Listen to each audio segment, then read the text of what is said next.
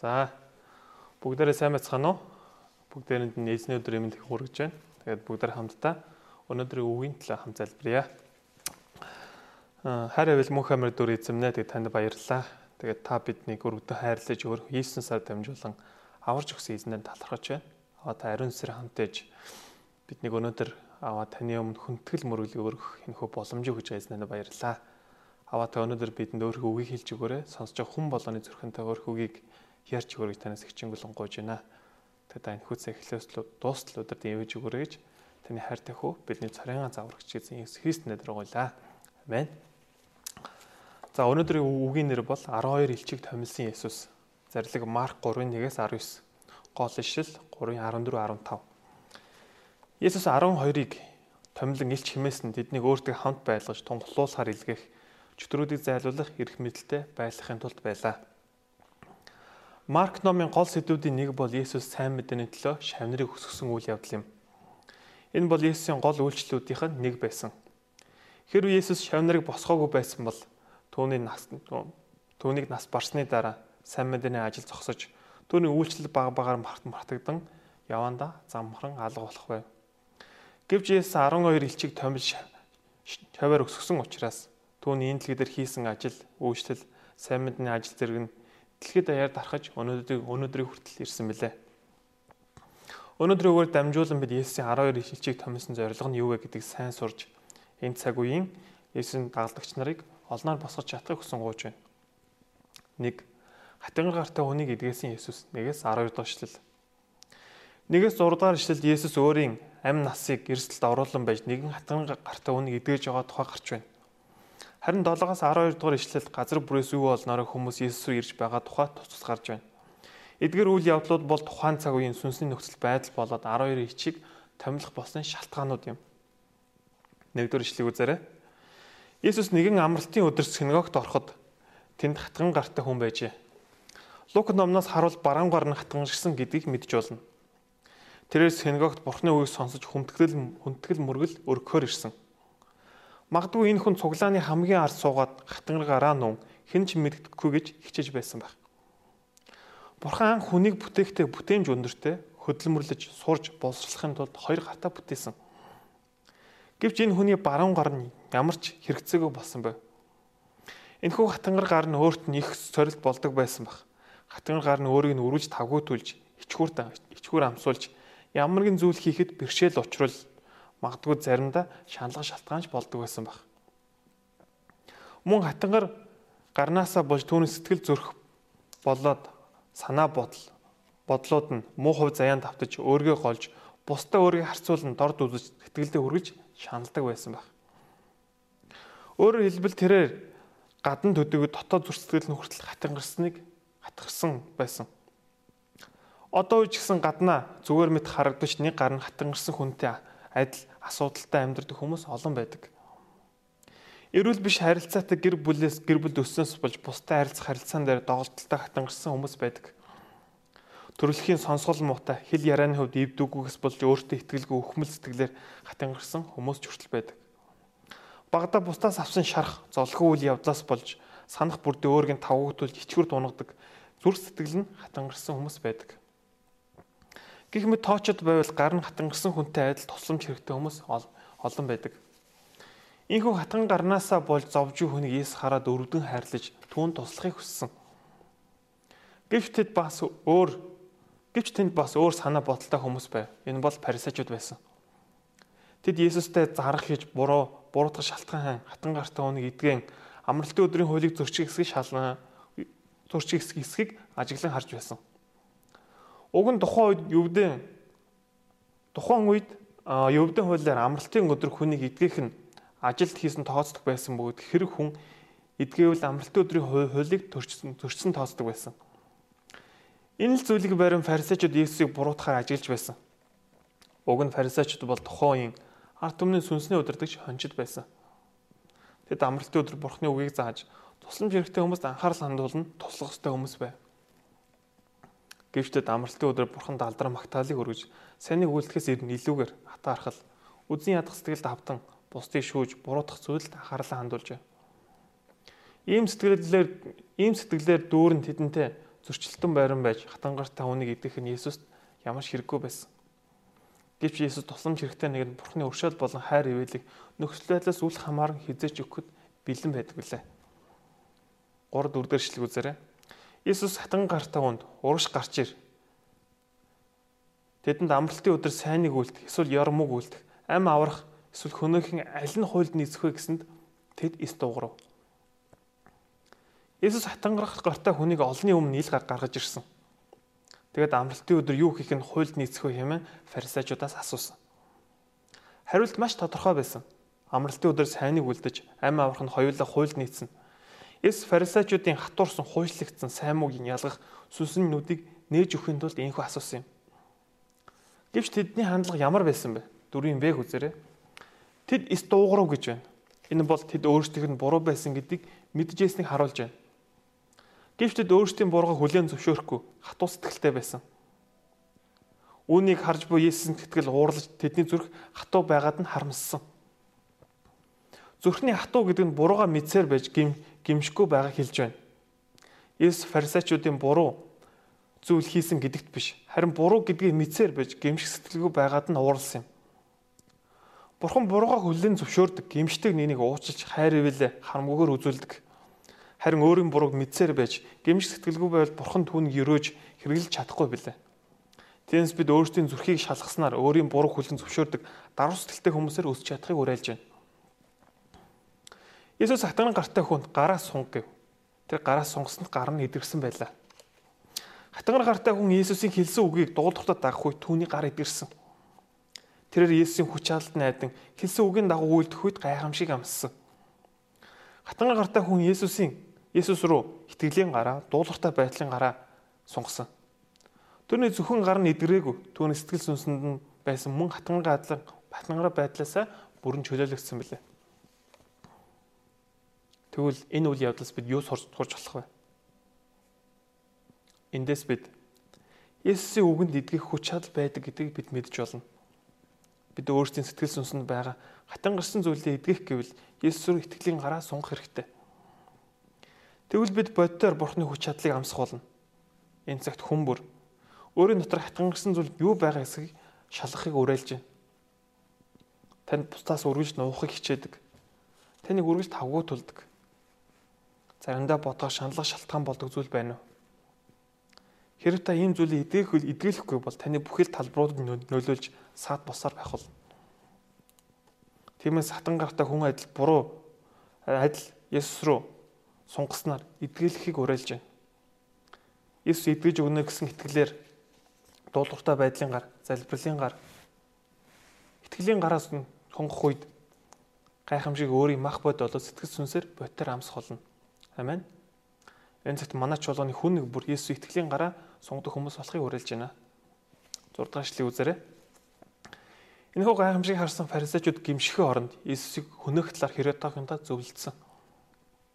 Уг нь фарисеучуд жирүүд Херодынхныг үдсэн яддаг байв.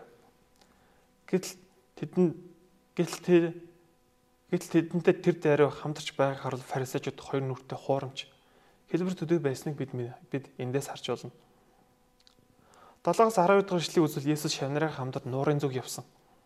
Гэтэл Юудэ, Ерүслим, Юдум, Йордны чан, Тир болон Ситэ аваас үе олноор Есүсийн үйлцэн бүхнийг сонсоод түн рүү ирсэн. Эс өөрөө нь ирсэн хүн бүрийг эдгэж эдгэж өгсөн. Эдгэр хүмүүс бол зөвхөрхөнгөө барж эдгэрэл сүнсэд чөлөөлөх хэрэгтэй төрсөн сүнсөнд байсан. Энэ бол тухайн үений тухайн үед сүнсний жинхэнэ хонжин, жинхэнэ удирдах байхгүй байгааг харуулж өгч байна. 2 дугаар хэсэг 12 элчийг томилсон Есүс.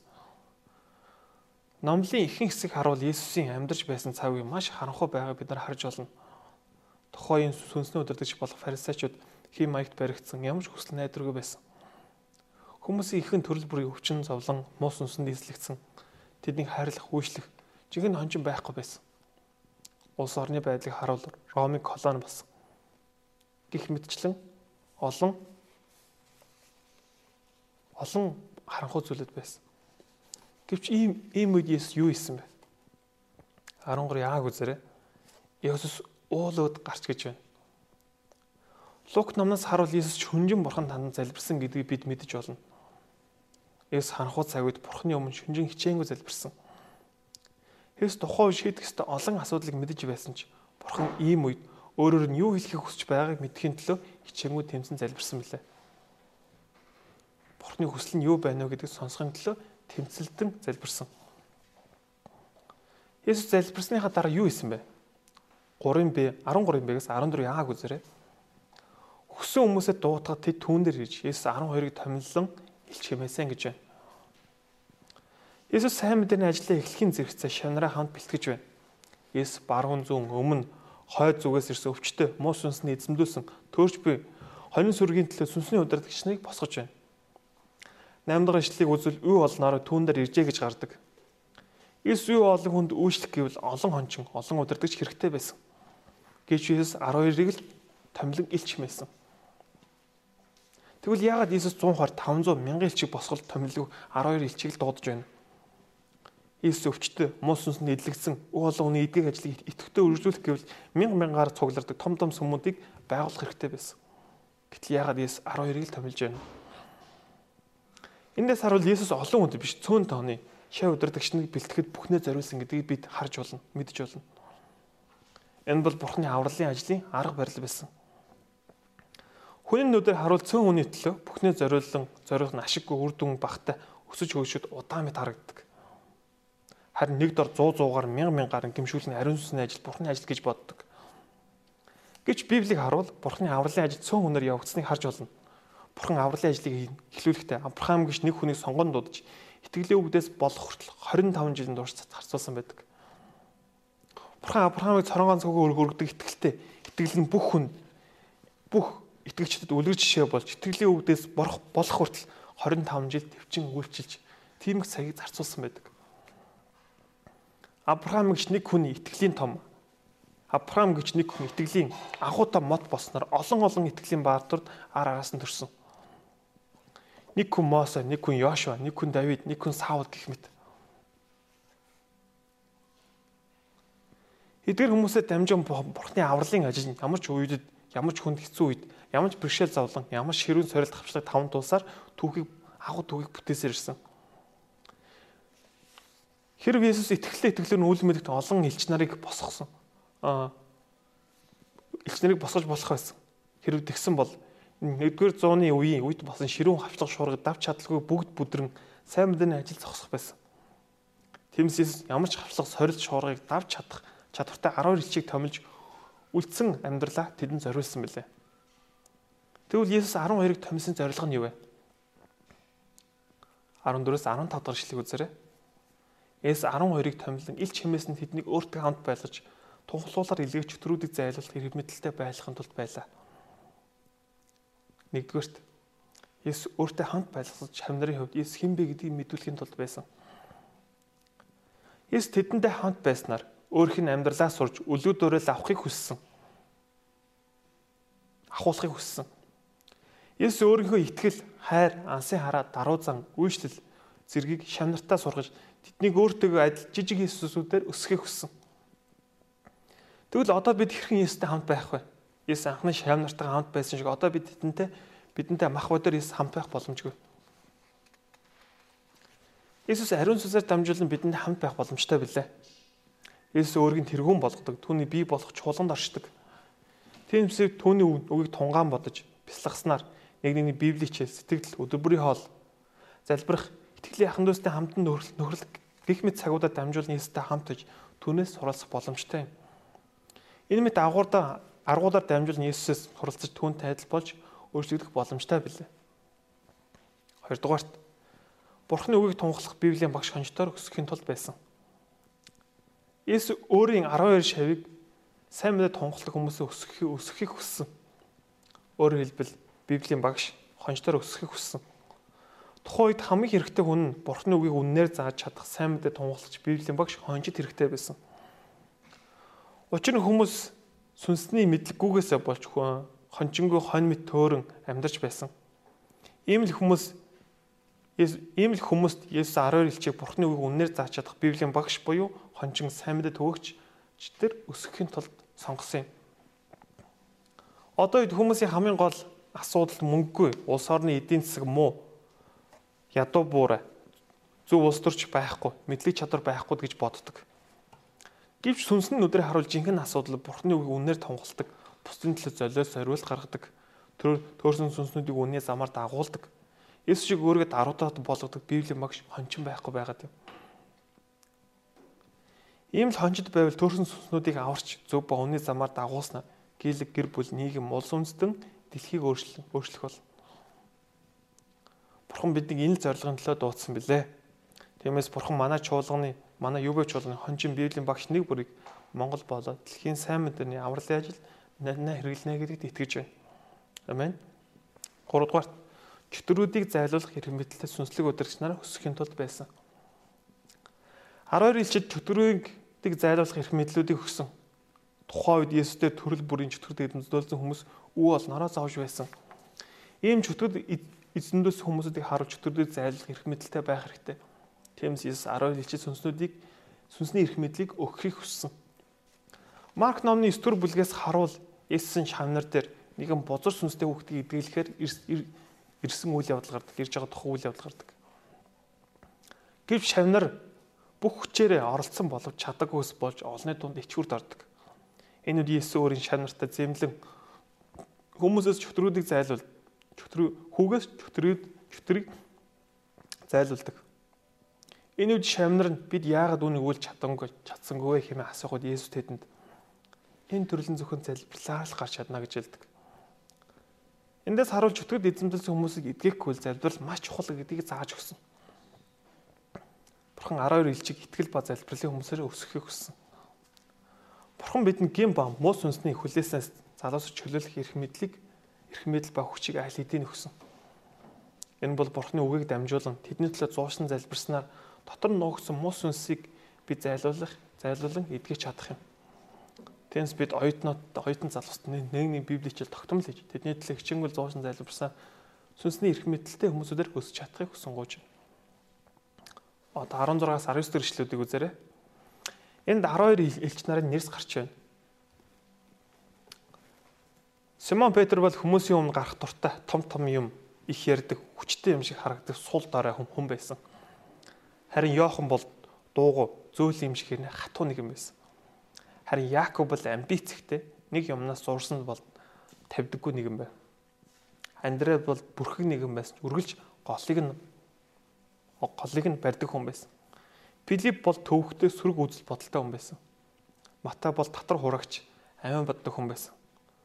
Томас бол эргэлздгээр алдартай, Бартоломей бол юмыг их боддог хүн байсан. Юмыг эргцүүлэн боддог хүн байсан.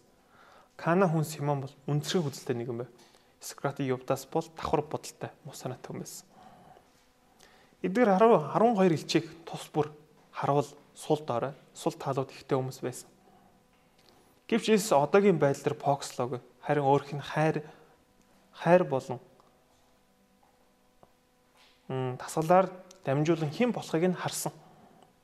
Иесус хүн бүрийг илч болгож чадна гэж харсан. Хүн бүрийг илчээр амьдарч чадна гэж харсан.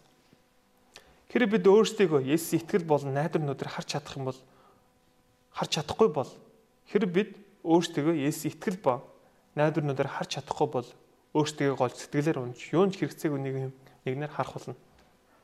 Харин өөрийгөө Иесусийн нүдээр харуул бид өөрчлөгдөж илч нараар өсч чадах юм. Тэрнээс бид хамтран зүтгэгч Библийн хамтран зүтгэгч Библичэл хийж байгаа оюутнуудыг мөн өөрийн үр хөвгтэй одоо байгаа байдлаар фокуслгүй харалгүй. Иесус итгэл бол найдар нүдээр ирээдүйд хэн болохыг нь харцгаая гэж уриалж байна. Тэгвэл бид тэдэнд ямар сул дорой байдлыг үрч энэ цагийн Есүсийн шавнараар өсөж чадах болно. Амен. Дүгнэлт. Энэ цаг үед сэтгэл сүнсний хувьд хатангар болж зовж шаналж байгаа олон залуус оюутнууд байна. Бид тэдгэр хүмүүсүүдийг Есүс рүү итгэлийн гараа сунгахад нь туслах хэрэгтэй. Бид бол энэ цаг үеийн элч нараа дуудагдсан хүмүүс юм. Тиймээс бидэнд тавьсан Есүсийн хүсэл найдвар зөрчилдөг гүнзгий хүлээн авч түүний хүсэл дуудлагын дагуу өсч чадахыг хүсэн гооч байна. Энэ цаг үеийнх нь Бурхны үг болоод залбирлын залбирлаар үйлчлснээр цөөхөн тондын тооны сүнсний удирдагчны бэлтгэдэг төлөвсөн чуулган болохыг хүсэн гооч байна. Амен. За хамтаа залбирцгаая. Хайртай бурхан минь тэгээд танд баярлалаа. Тэгээд 12 илчиг томилсон Иесус зарилгаар дамжуулан аваа бид хэрхэн өөрийнхөө сэтгэл сүнсэнд байгаа хатгангарсан зүйлийг эдгэхвэ гэдэг зүйлийг зааж өгсөнд баярлалаа. Манай чуулганы хүн нэг бүр танир өөрийн итгэлийн гар, дуулууртай байдлын гар, залбирлын гараа сунгаснараа сэтгэл сүнсний тэр хатангар байдлаас эдгэрч чадаад тусч өөрийг танаас агчин болон гооч байна. Онцгойлон та бидэнтэйс хамтаж Бурхны үг болон залбирлаар энэ цаг үеийн залуучууд үйлчлснээр аваад тэднийг үнэхээр янз бүрийн дотор нуугцнаар морин сүнснээс чөлөөлж тэдийг эдгэж чадаад тусалж өгөөж гоож байна. Эзэмнэ тэгээ та манай чуулган таамтаж манай чуулганы гишүүнийг бүр библийн багшныг бүрийг энэ цаг үеийн төөрсөн сүнснүүд бурхны үгнээ дамжуулдаг тэр хүмүүсүүдээр хэрэглэж өгөөг танаас хичээн болонгож байна. Энэ цаг өгснөд баярлалаа. Бүх зүйлийг танд хатгах чинь эзэн Есүс Христнээр дэргуулаа. Амен.